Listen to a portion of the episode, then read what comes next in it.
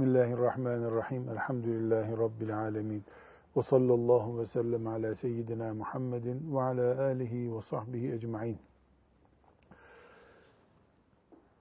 Allah'a kulluğun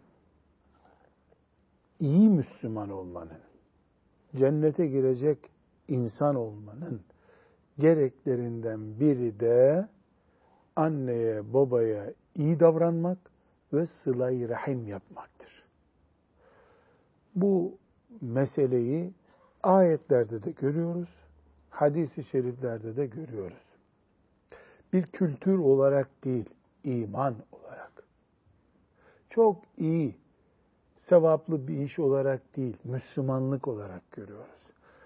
Bununla ilgili bir hadis-i şerif okumuştuk bu bölümde. Şimdi 315. hadisi şerifi okuyacağız. Hiç yorum yapmayacağız. Çünkü hadis-i şerifin yoruma ihtiyacı yok. Anlamak isteyene anlatıyor Efendimiz sallallahu aleyhi ve sellem. Hafız Efendi hadisi şerifin mealini, tercümesini okuyalım. Ebu Hureyre radıyallahu anh'ten rivayet edildiğine göre Resulullah sallallahu, sallallahu aleyhi, aleyhi ve sellem, sellem şöyle buyurdu. Hiçbir evlat babasının hakkını ödeyemez. Şayet onu köle olarak bulur ve satın alıp azat ederse yani hürriyetine kavuşturursa babalık hakkını ödemiş olur.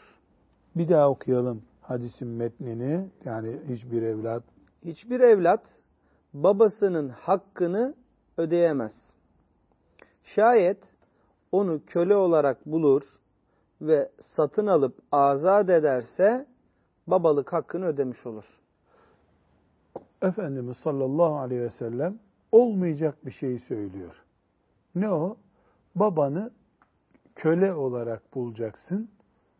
Paran olacak. Satın alacaksın. Hadi hürsün baba diyeceksin. Bu olmaz. Niye olmaz?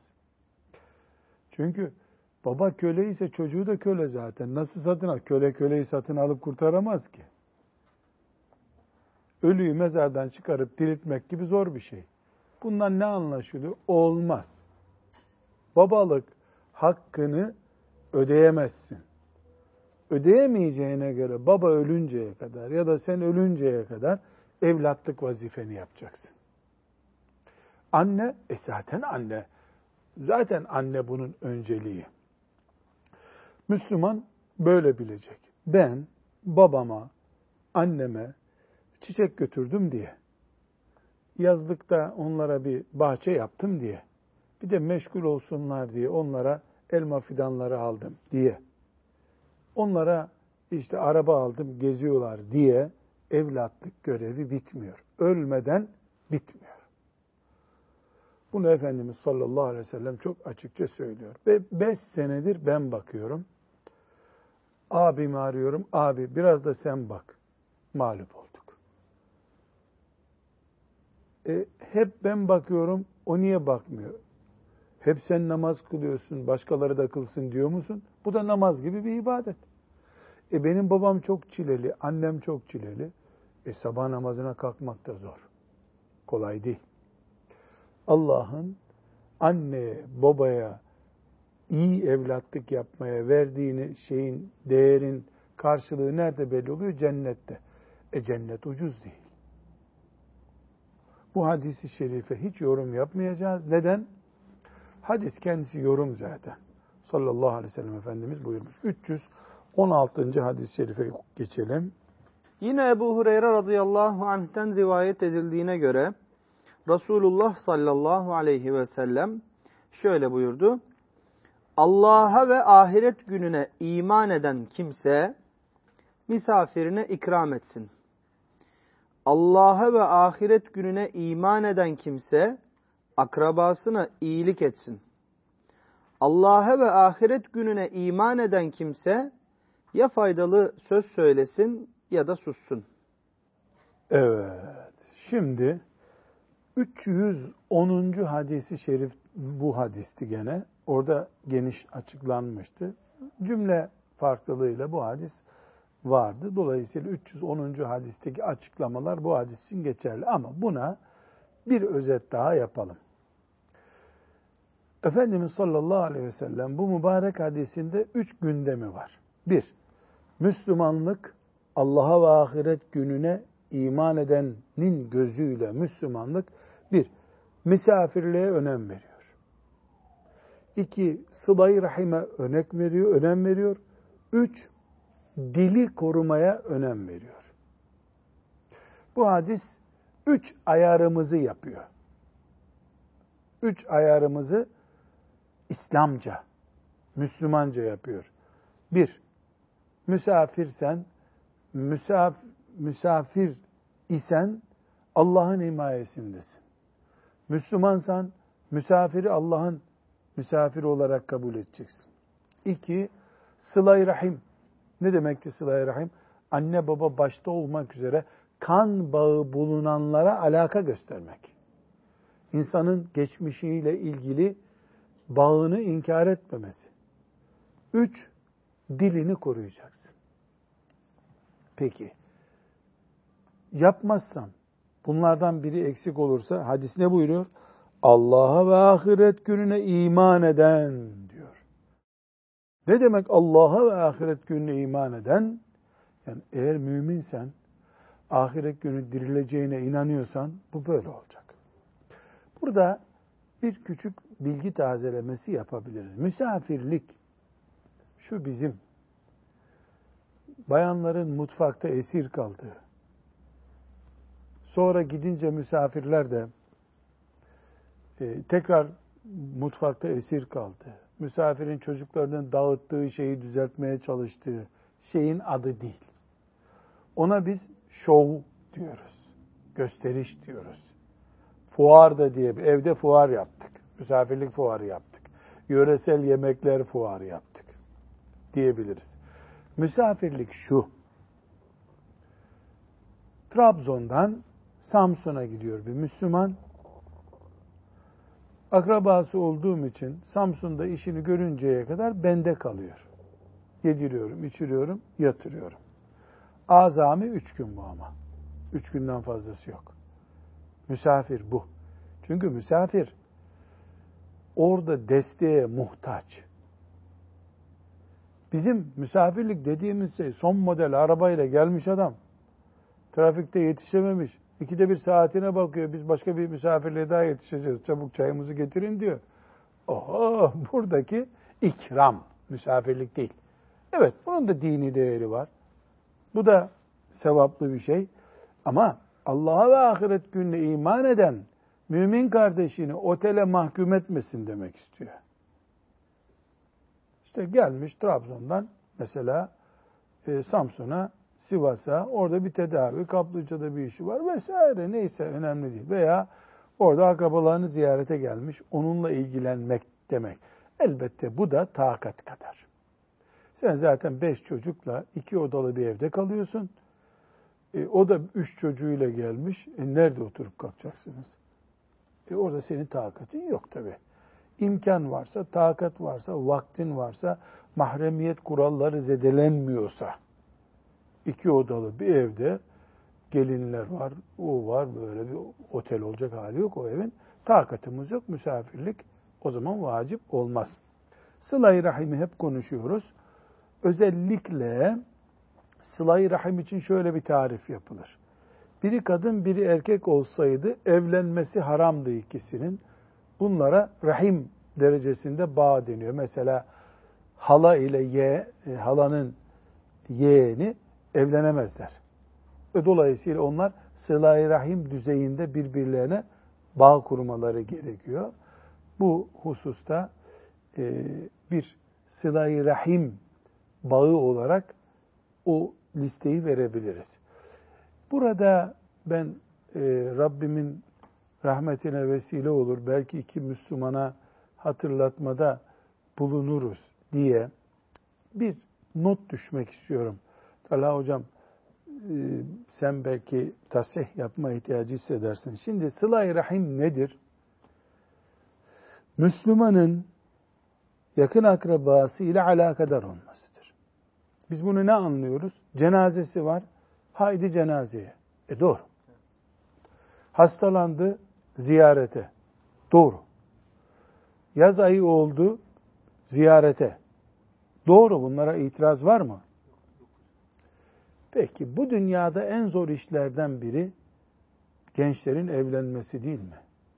Evet. Sıla-i Rahim düzeyinde yakınım, yeğenim evlenemiyor iken benim onun evlenmesine yardım etmemde, helal bir yuva kurmasına yardım etmemde Sıla-i Rahim düzeyinde bir görev değil mi? Evet hocam. Bu da bir görev. Yani bir insanın üç tane dayısı, dört tane halası, yedi tane teyzesi var ve hala evlenemiyor. E annesi evlendirsin deyip savuyor insanlar başından. Silah-i Rahim hep afet döneminde mi aklımıza gelecek Salih Hoca? Bayram ziyaretinden daha önemli hocam. Allah razı olsun. Yani bayramda gitmesen, telefon etsen, halacığım ben bu bayram gelmiyorum, ellerinizden öpüyorum desen, memnun bile olur. Kalabalık burası zaten. Belki de memnun olur. Ama halanın çocuğuna yardımcı olsan, ben yardım edeyim desen, tabii ki suistimal etmeyeceğim bir şekilde. Bilhassa böyle kimsenin ilgilenmediği e, o ortamda kalmış olan, yani yardıma muhtaç olan e, insanlar için bir örnek verdim yani sıla-i rahim gereği sıla-i rahim. Bazı alimler e, bunu Kur'an-ı Kerim'in emri görüyorlar zaten. Ve enkihul eyama minkum salihine min ibadikum ve imaikum yani evlendirmek diye de Müslümanların üzerinde bir görev var. Hele şimdiki dönemde ne yazık ki e, Müslümanların bir görev olarak görmedikleri e, konulardan birisi oldu. Hatta herkes bundan kaçamak yapıyor. Niye? Ya sonra uyum olmazlar, başıma bela olurlar diyor. Sen sadece yön göster. Şurada evlenilecek bir delikanlı var, şurada evlenecek bir kızcağız var. De yani abartma, kefil olma, yön göster. E, ne bileyim bir örnek olarak aklıma geldi, not ettim bunu. Yani bu da bir sıla rahim gereği. Ee, insanlar hep hasta olunca ziyaretçi geliyor. Cenaze olunca köy kalabalık oluyor. Ama bir derdi var o Müslümanın. O dertle ilgilenilmiyor. Mesela çocuklarını evlendiremiyor. Kimse yön vermek istemiyor. Borç isterler korkuyorlar tabii. Her, herkesin bir korkusu var yani. En büyük kork başıma bela kalır. İyi geçinemezler diye. Bir başka da borç isterler. E biz çocuğu evlendireceğiz ama işte biraz da borç para lazım. O borç da sonra gelmez. Akrabayız biz. E bunlar basit düşünceler. Evet. Şimdi 317. hadis-i şerife geçelim. Ebu Hureyre radıyallahu anh'ten rivayet edildiğine göre Resulullah sallallahu aleyhi ve sellem şöyle buyurdu. Allah Teala varlıkları yaratma işini tamamlayınca akrabalık bağı ayağa kalkarak Şimdi bir dakika burada yardım edelim dinleyenlerimize Hafız Salih. Allahu Teala varlıkları yarattı. Nedir varlıklar? Dağlar, cinler, insanlar, nehirler, hayvanlar, gökler, yerler, Allah'ın dışında Celle Celaluhu. Ne varsa bunun adı mahluk mudur, varlık mudur? Tamam. Bunların hepsini yarattı. İşte deniyor ki dağlar dile geldi şöyle dedi.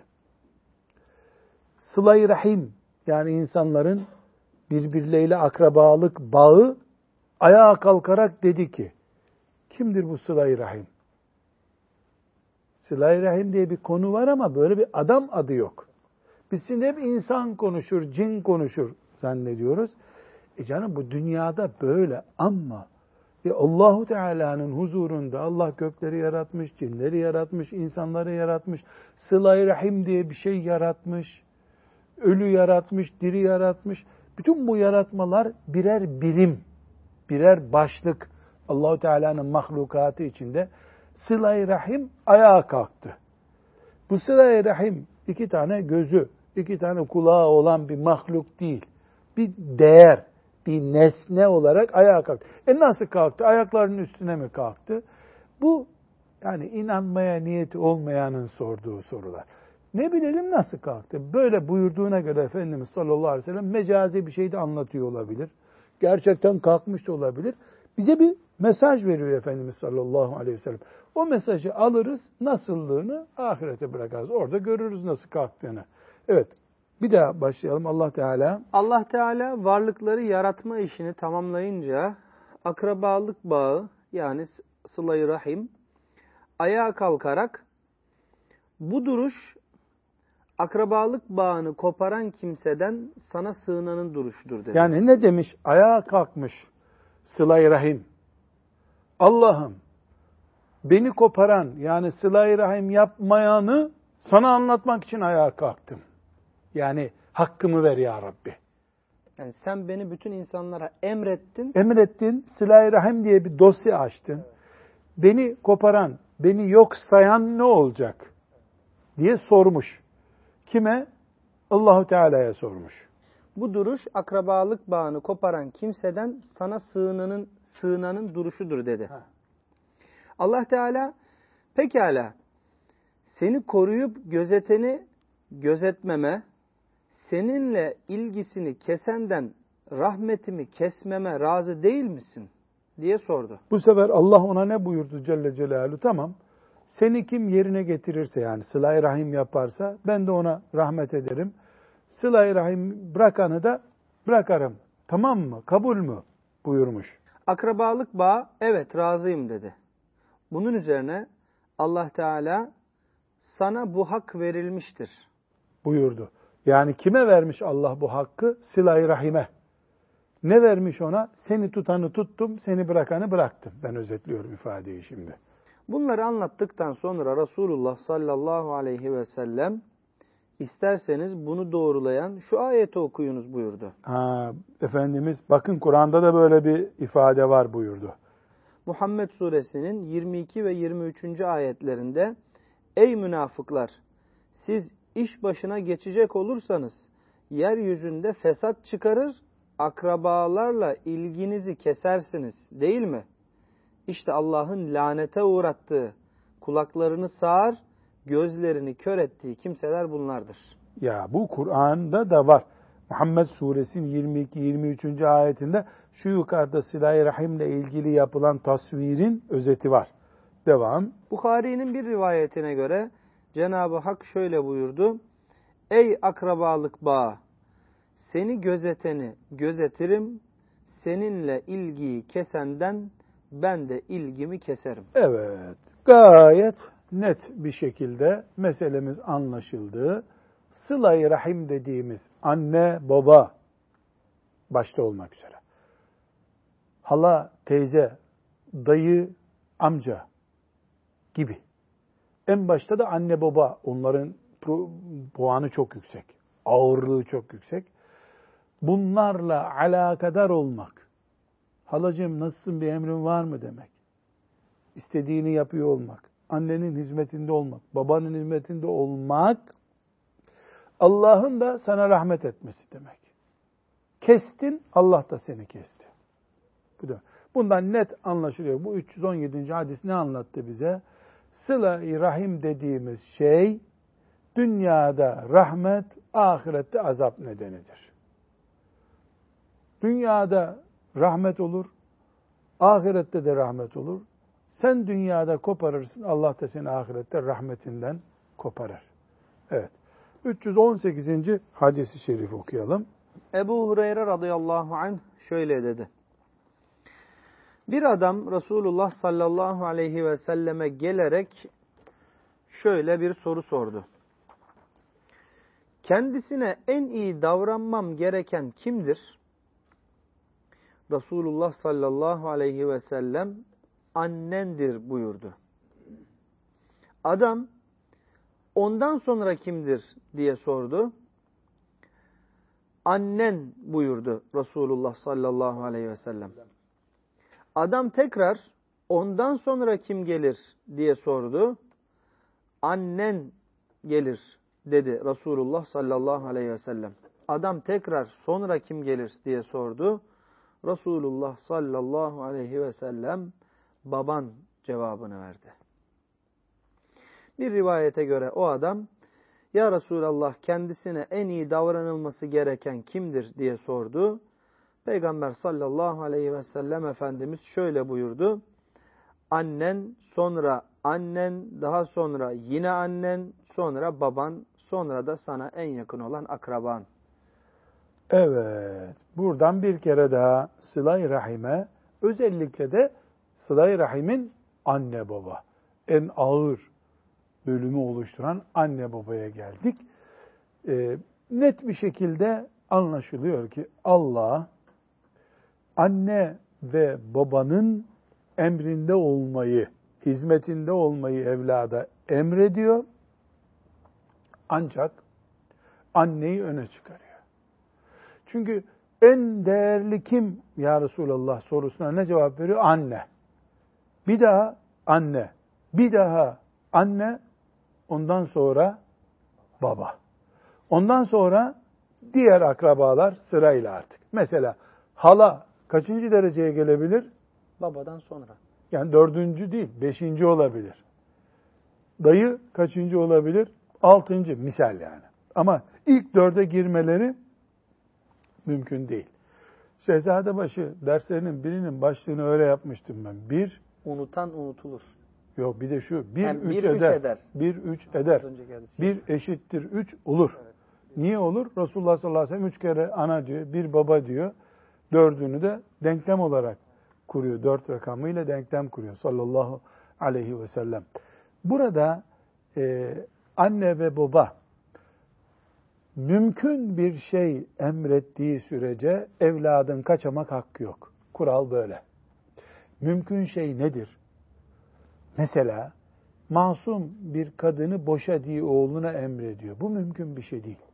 Çünkü zulüm istiyor. Kafayı takmış. Psikolojik sorunlu bir anne.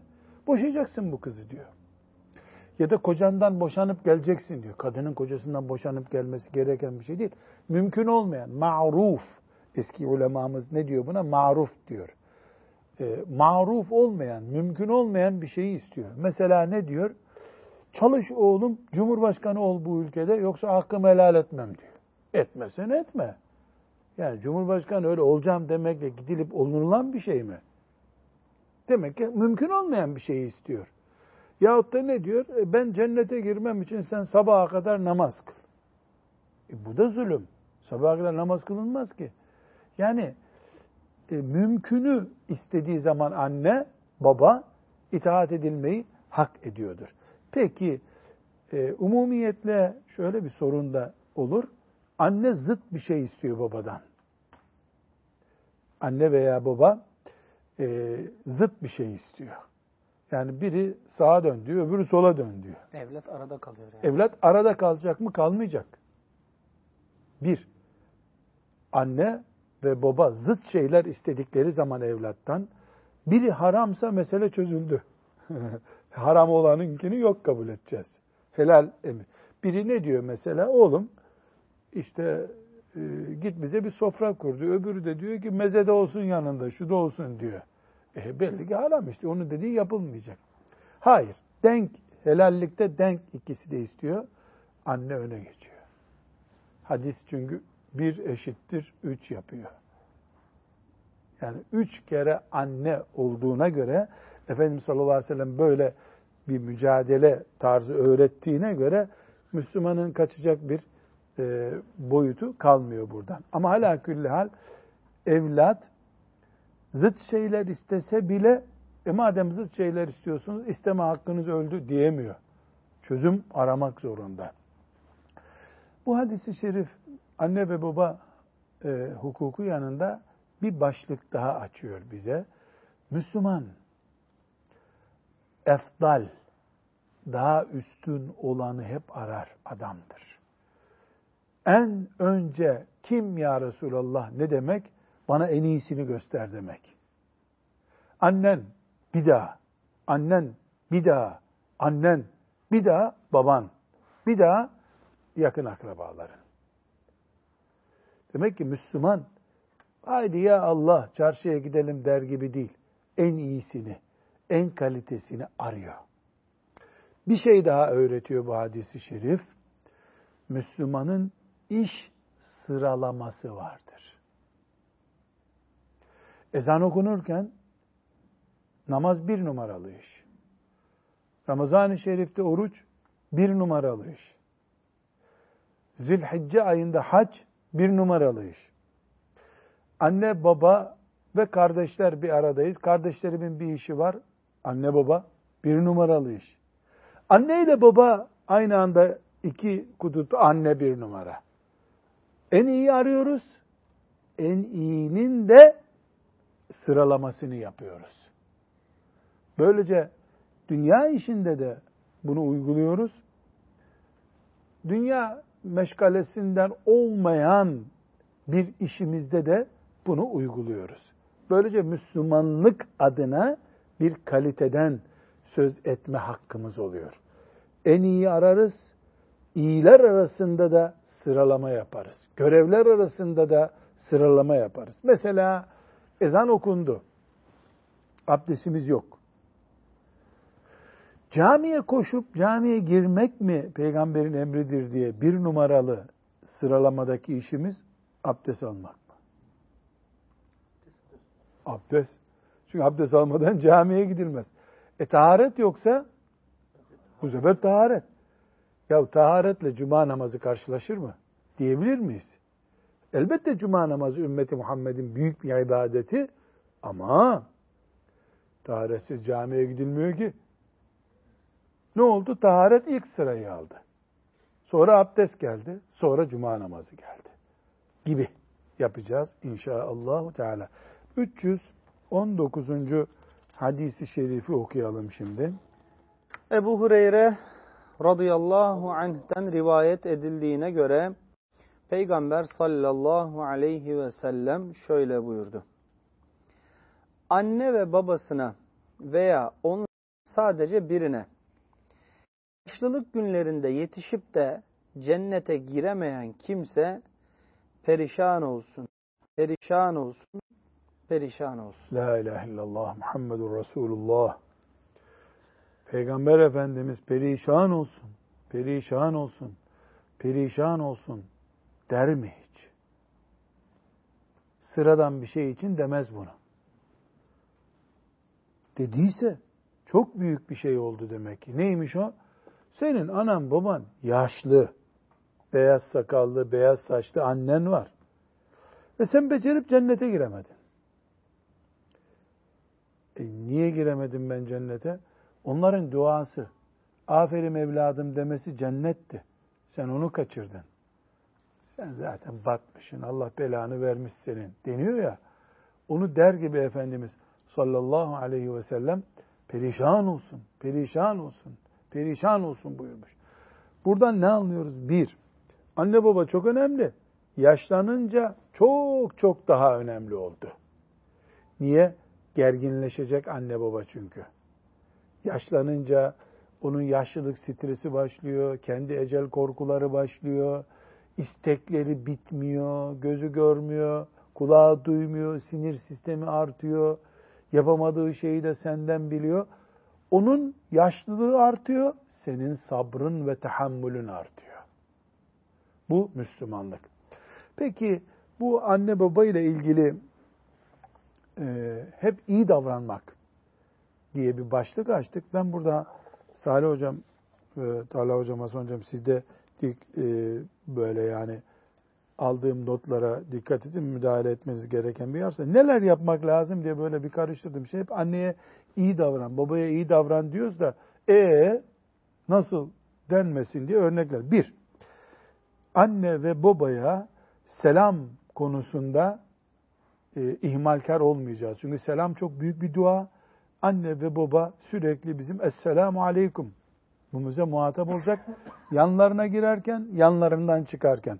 Böylece anne ve babanın bizim e, gözümüzdeki buluşması Allah'ın adıyla başlayacak, Allah'ın adıyla bitecek. İki, böyle sırayla birkaç şey koydu.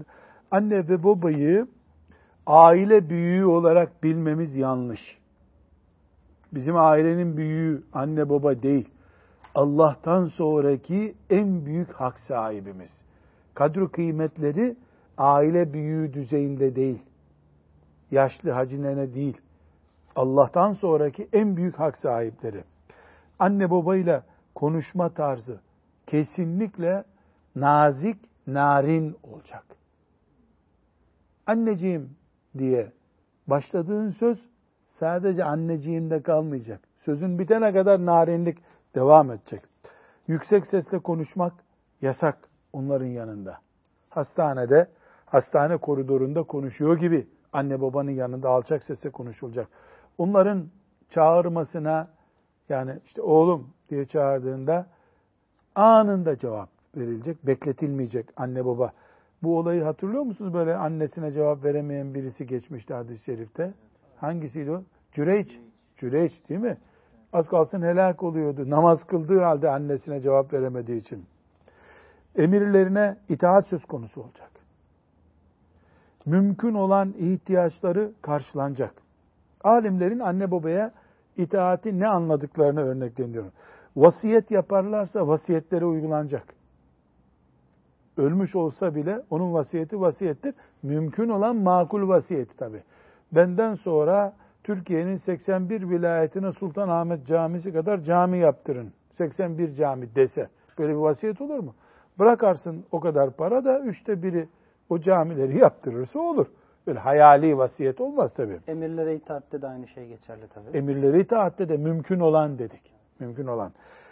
Ve bir hoca efendinin güzel bir notu var. Onları mutlu edecek işler yapmak diyor.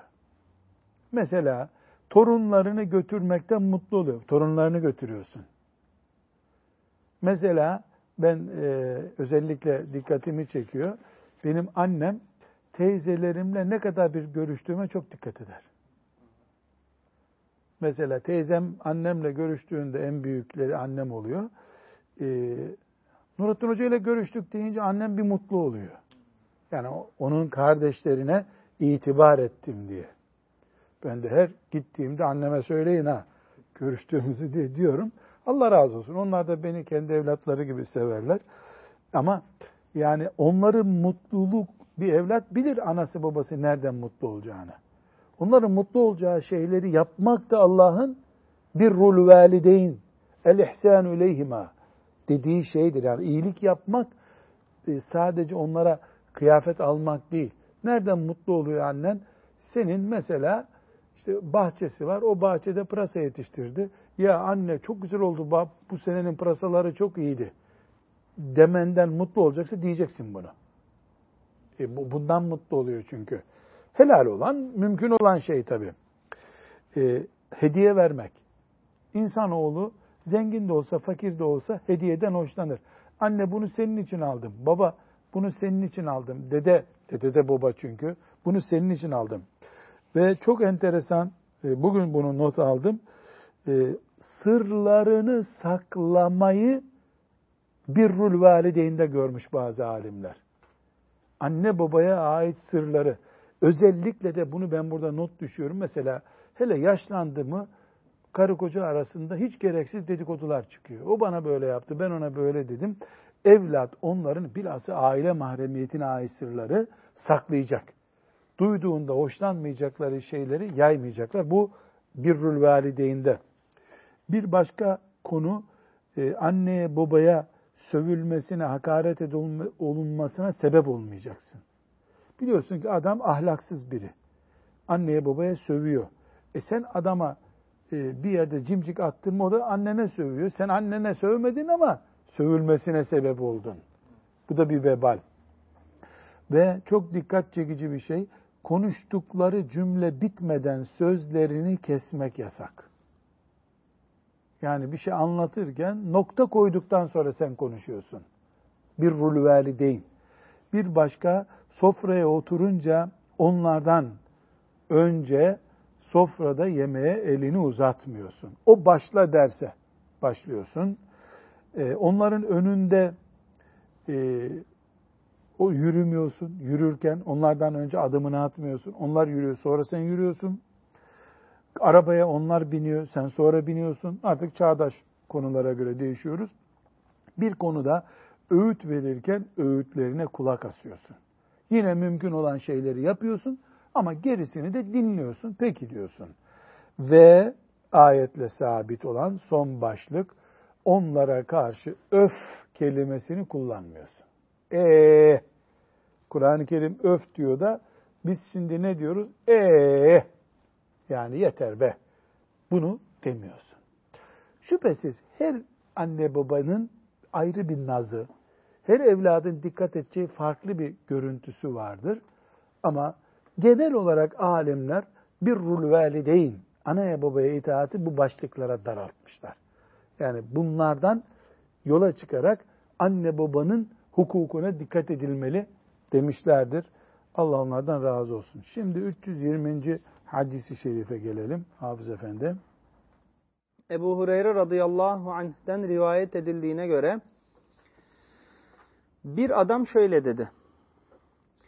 Ya Resulallah benim akrabam var. Ben kendilerini ziyaret ediyorum.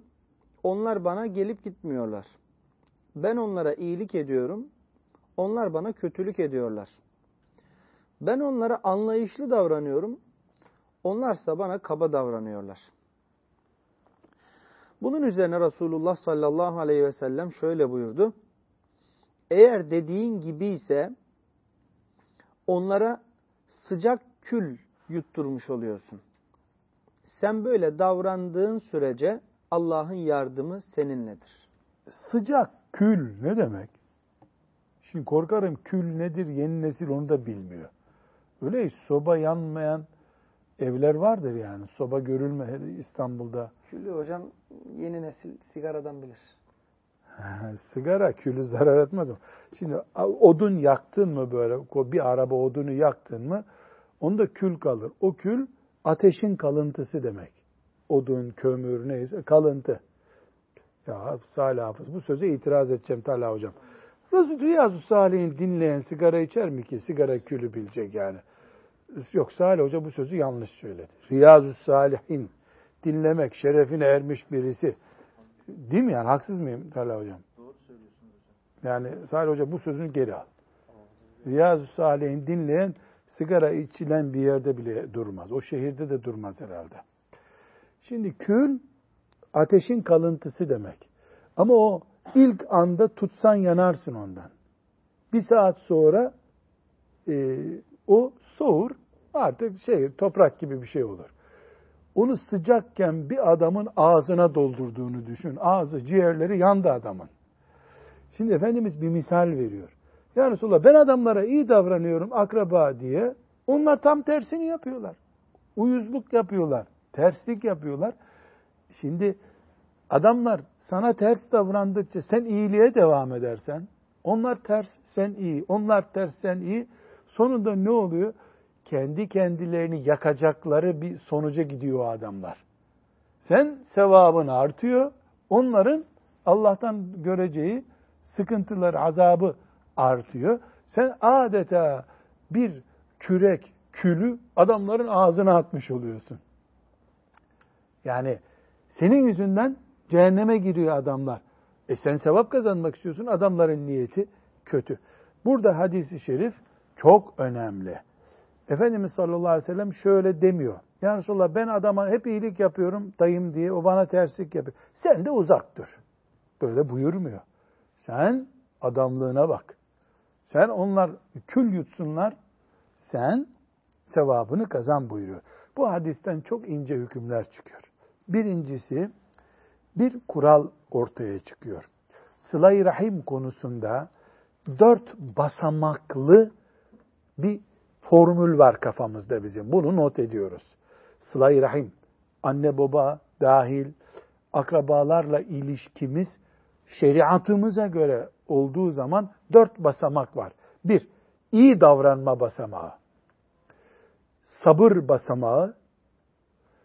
Onlar hata yapınca hatalarına özür kabul etme basamağı. Dördüncü olarak da buna rağmen akrabalığı koparmadan iyi davranmaya devam etme basamağı. Dördüncüye çıktın mı Allah seninledir. Kazanıyorsun. Bu dört basamak Salih Hafız anlaşıldı mı? Bir, iyi davranın diyor Allah. Herkes bunu yapıyor zaten. İyi davranıyorum ama tipsiz tipsiz işler yapıyorlar. Hangi basamak devreye giriyor? Sabır basamağı devreye giriyor. Buna rağmen sabrediyorum, hala inatlaştılar. Yani özürlerini kabul et, anlamadılar bunlar. Bu, bu daha Riyazu Salih'in okumadıkları için kıymetini bilmiyorlar. Bu basamağı da geçtim, yaptıkları eziyete karşılık vermiyorum.